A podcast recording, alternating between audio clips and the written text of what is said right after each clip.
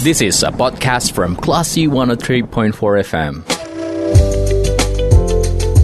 Sumbar melawan Corona, persembahan Yayasan Semen Padang, Semen Padang Hospital, hanya di Classy FM.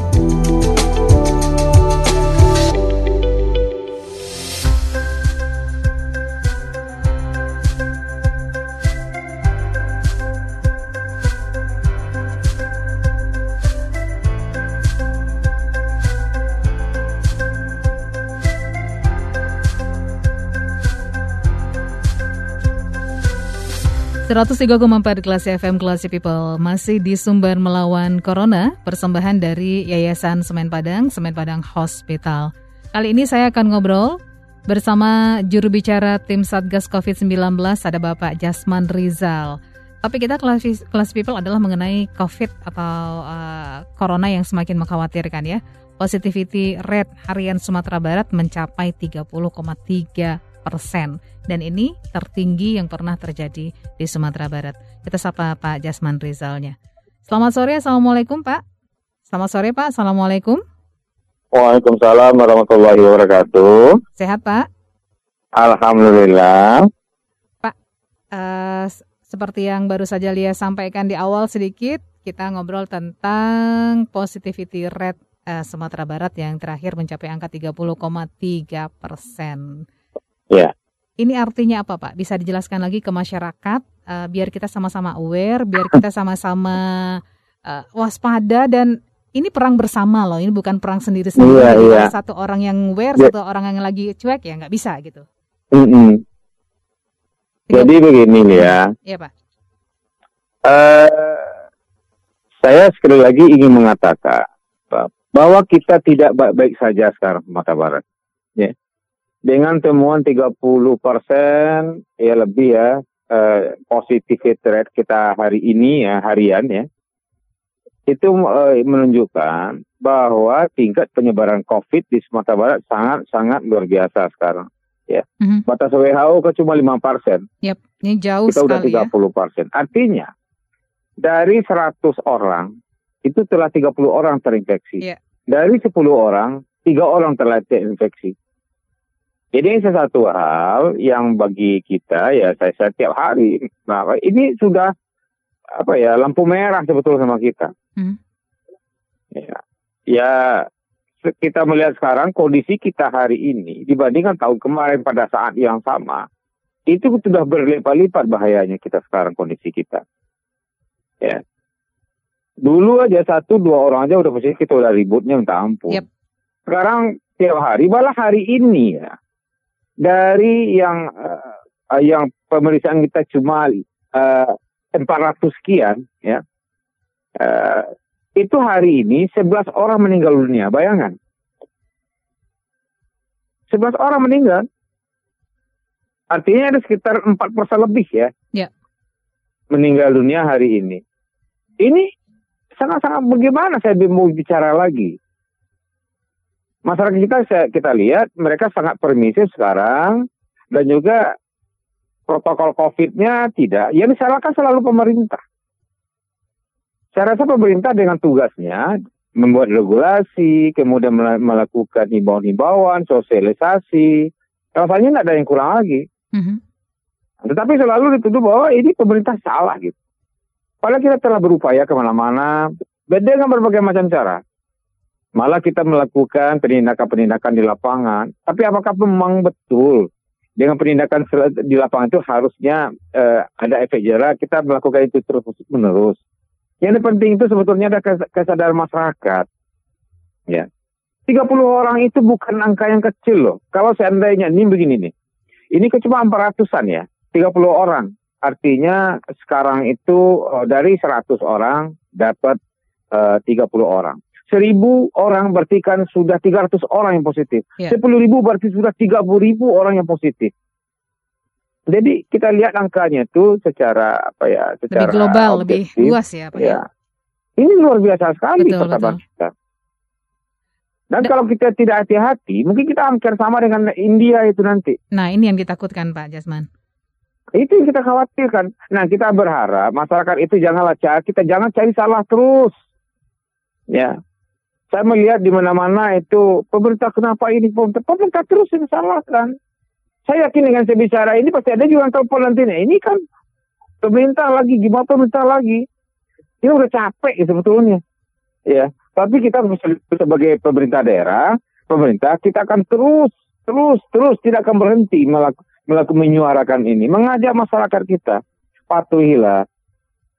Malah sekarang banyak lagi yang kan COVID itu tidak ada, tidak apa, tidak oh, ada. Atau COVID itu nggak apa ya, nggak membunuh, nggak nggak membunuh, benar tidak. Tapi kan penyakitnya ada sama kita gimana? Ini kita berharap sekali lagi saya udah apa ya, udah nyinyir saya. Kadang-kadang apa bisa bisa jadi saya setiap ngomong ini pasti ada yang merasa apa ya nggak enak gitu. Mm-hmm. Oke. Okay. Kita lihat di pasar-pasar. Kemudiannya mohon maaf ada beberapa klaster-klaster baru yang sekarang itu yang tidak enak saya sebutkan di sini. Tapi mereka nggak percaya juga. Kemarin 50 kota ada ada jamaah yang apa ya kena gitu. Apalagi kita waktu pasca kita bikin edaran, ada juga pembela-pembelaan. Nah, ini perlu lagi, ini kenapa?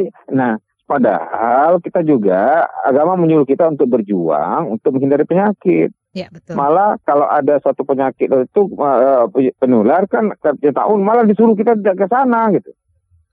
Kemarin kita juga bikin surat edaran Pak Gubernur. Tidak boleh daerah zona zona merah, daerah oranye sholat id. Tetapi saya lihat sekarang masih juga ada persiapan-persiapan itu. Jadi apa yang harus kita lakukan lagi? Itu saya nggak tahu juga. Apakah kita tunggu nanti setelah lebarannya ada klaster baru lagi? Kita akan bergelimpangan semua. Kalau untuk pemetaan zona bagaimana Pak sekarang Pak? Pemetaan apa? zona. Apa? Kalau untuk pemetaan zona sekarang bagaimana Pak? Pemetaan zona itu, itu lebih banyak sekarang itu daerah-daerah perkampungan. Kenapa ya? Beberapa waktu yang lalu, seminggu atau uh, uh, 10 hari yang lalu, banyak masyarakat kita yang datang dari luar daerah yang curi star pulang kampung. Hmm. Kemudian mereka pulang kampung tidak memakai protokol COVID. Nyampe di rumah, di kampung mereka langsung berinteraksi dengan masyarakat. Ada yang pergi terawih, ada yang mohon maaf pergi ke warung, kemudian ke pasar. Ya udah, meledak. Mm-hmm. Harusnya ya pemerintah daerah, ya kita kerjasama lah. Uh, harusnya bagi pemerintah daerah siapa pun yang pulang kampung itu seperti dulu kita lakukan isolasi mandiri dulu lah 14 hari. Ya, dulu kan masing-masing kabupaten kota sampai ke tingkat nagari, kecamatan ada tempat isolasi mandiri yang disediakan oleh kabupaten kota juga sampai ke nagari. Sekarang nggak ada lagi.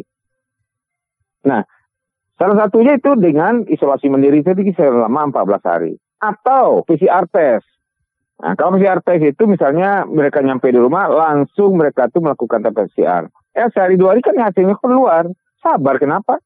Saya saja setiap keluar daerah, sebelum saya keluar hasil uh, eh, PCR test saya, saya tidak mau ke rumah. Nah sekarang kalian tidak. Mohon maaf ya, ribuan sekarang yang pulang kampung. Saya mau tanya, siapa yang yang yang uh, yang melakukan PCR? Nggak ada. Nah itu yang terjadi sekarang. Kita bukan menakut-nakuti. Karena saya bicara nanti, oh, ini jubir kerja pemerintah ini menakuti masyarakat. Bukan. Sadarlah bahwa COVID itu ada. ya. COVID itu bukan main-main. Taruh sekarang kita misalnya, oh, oh, apa kita tinggi ya.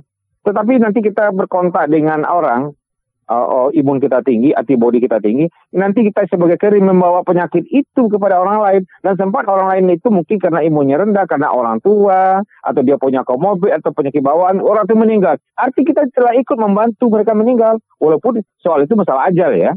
Tetapi artinya setidaknya itu uh, kita telah ikut ya. Jadi kita berharap Kemudian juga zonasi sekarang itu kita banyak di samping perkampungan ya. Karena Elizabeth itu juga saya lihat sekarang itu ada di tempat-tempat yang ada kerumunan-kerumunan banyak ya. Maksudnya ya, di saya tidak sebutkan tempatnya tempat makan mau gitu, saya. Pak? Kafe, tempat Hah? makan atau apa ini maksudnya, Pak? Iya. Okay. Tempat-tempat uh, di apa uh, makan makanan okay. kemudian di te, apa di kafe-kafe itu mereka kita lihat sekarang mereka nggak ada pakai masker. Iya, betul. Nggak ada.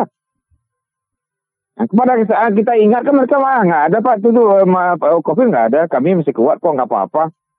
Nah, orang yang ngomong itu kan karena belum kena aja.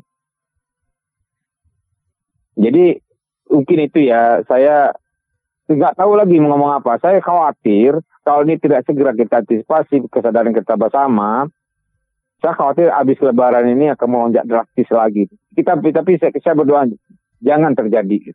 Nah, terkait ini dengan... baru mendekati lebaran loh, Betul. udah peningkatannya gini. Udah 30 persen ya Pak. Nanti di Lebaran iya. takutnya mobilitas masyarakat kan cukup tinggi biasanya ya. Iya. Nah tempat wisata Makanya, gimana Pak? Ada aturan kita dengan zonasi itu. Diharapkan apa? Zonasi itu akan memberikan apa kalau kita akan ada barrier itu ya. Okay. Artinya membatasi bahwasanya ini daerah ini banyak orang positifnya kan itu artinya. Oke. Okay. Misalnya Kota Padang ya, dia oren Artinya di Kota Padang banyak yang positifnya dan itu akan uh, penyebarannya akan tidak terkendali. Okay. Artinya hati-hati gitu loh. Nah untuk itu hati-hati gimana? Ya dikurangi gerakan, dikurangi aktivitas. Oh daerah ini misalnya daerah merah, apalagi merah. Itu betul-betul kita harus tutup, lockdown gitu. Mm-hmm. Nah kalau dia kuning, oh ini sedikit cuma nanti kita atasi segera. Tetap berhati-hati prokes. Nah itu hal-hal seperti itu. Jadi pemerintah itu membuat apa zonasi itu bukan asal-asalan okay. data. Baik. Masalah ada juga ini orang hebat, orang pinter, ya ahli dia, malah mencela itu zonasi. Oke okay, baik. Saya ngerti juga banyak sekarang yang bicara tentang COVID, mereka nggak ahli, tapi dia ber, memberi komentar. Ya, tetapi nggak apa-apa lah. Pemerintah itu kan tempatnya salah terus, melulu terus. Ya kita kita siap aja lah. Ibarat orang tua uh, anaknya mendengarkan anak-anaknya mengeluh begitu mungkin ya Pak Jasman ya. Bukan mengeluh, Bukan. menyalahkan. Kalau mengeluh menyalahkan, kita ya? Oke. okay, uh, eh, Kalau Pak... mengeluh mungkin kita kasih duit ya. Oke, okay. Kalau lapar kita kasih makan. Pak, ini menyalahkan terus, mengkritisi segala macam. Padahal apa sih yang mereka buat gitu? Saya udah udah penuh juga jaga saya gara-gara itu. Iya betul. Artinya seharusnya uh, pemerintah sekarang kan sangat masif mengadakan razia segala iya. macam. Iya. Uh, rakyat atau masyarakat juga harus ikut uh, masif juga menjalankan protokol kesehatan ya. Jadi iya, ada dua arah artinya, di situ ya. Iya, kita ini kan kita pandemi, artinya ini kan perang bersama. Betul, betul. Jangan lagi kita mencari-cari ya. kesalahan, lah salah, ini salah. Tidak.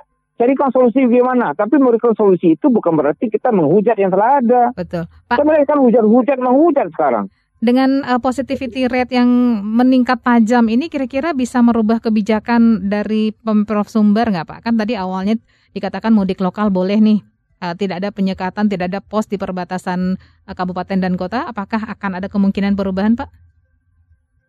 Saya rasa begini aja ya. Itu yang punya wilayah, punya punya eksekusi langsung itu kan bupati wali kota. Mm -hmm. Dalam surat edaran kan sudah disampaikan bahwasanya bupati wali kota diberikan ya keleluasaan untuk menentukan mengambil keputusan-keputusan yang dianggap penting dan perlu dengan sesuai dengan kearifan lokal mereka. Berarti dikembalikan Jadi sekarang ya. kuncinya adalah pemerintah daerah masing-masing gitu. Oke, baik. Kalau mereka menganggap ini jaga kalau silakan saja. Oke, baik. Nggak ada persoalan sekarang kalau untuk kebaikan itu ya nggak ada larangan hukumannya juga nggak ada. Oke, Cuma masalah apa ya? masalah kita uh, berempati dan bertanggung jawab saja. Kita sangat salut sekarang itu dengan Sulawesi Selatan yang daerah paling bawah sekarang tuh naik ke atas. Hmm. Artinya apa mereka sungguh-sungguh hmm. dan dia mau melakukan banyak-banyak inovasi. Yep. Bukan hanya tergantung dengan aturan dari kementerian, okay. peraturan dari profesi. Tidak, mereka jalan sendiri. Tapi okay. tetap dengan uh, bagaimana apa tujuannya adalah bagaimana COVID-nya selesai gitu. Baik, baik. Itu kan dibolehkan seperti itu. Baik. Hmm. Oke, Pak. Terakhir eh, tempat wisata buka atau tutup Pak saat Lebaran Pak? Ya sesuai dengan aturan itu kan tempat buka itu cuma daerah uh, daerah yang kuning. Kuning ya, oke baik. Ya, tapi kita uh, cemas juga ini kalau tidak dibatasi oleh bupati wali kota, nanti malah itu malah jadi ramai uh, tempat yang kuning nanti. malah malah uh, berubah ya, status jadi, nanti takutnya. Uh, untuk itu kita harapkan bupati wali kota yang daerahnya bisa wisata itu membuat batasan-batasan okay. berinovasi. Artinya apa? Kalau sudah sekian pengunjung datang nggak boleh masuk lagi. Oke okay, baik. Nanti udah keluar masuk lagi. Jadi ada seperti itu. Jadi nggak semuanya diatur oleh provinsi kan okay. ada inovasi-inovasi. Karena otonomi daerah itu kan berada di kabupaten kota. Baik, intinya kembali ke nah, protokol ini, kesehatan ya Pak ya? Iya. Uh -huh. okay. Baik Pak Jasman, terima kasih banyak untuk waktu Bapak sore hari ini sudah berbincang di kelas FM. Semoga tetap sehat Pak dan semoga kita bisa mengatasi uh, eh, COVID-19 ini dengan kesadaran bersama. Terima kasih Lia ya. Salam Baik. sehat buat semua. Salam sehat juga buat Bapak dan uh, staf di sana. Terima kasih. Assalamualaikum Pak. Waalaikumsalam warahmatullahi wabarakatuh.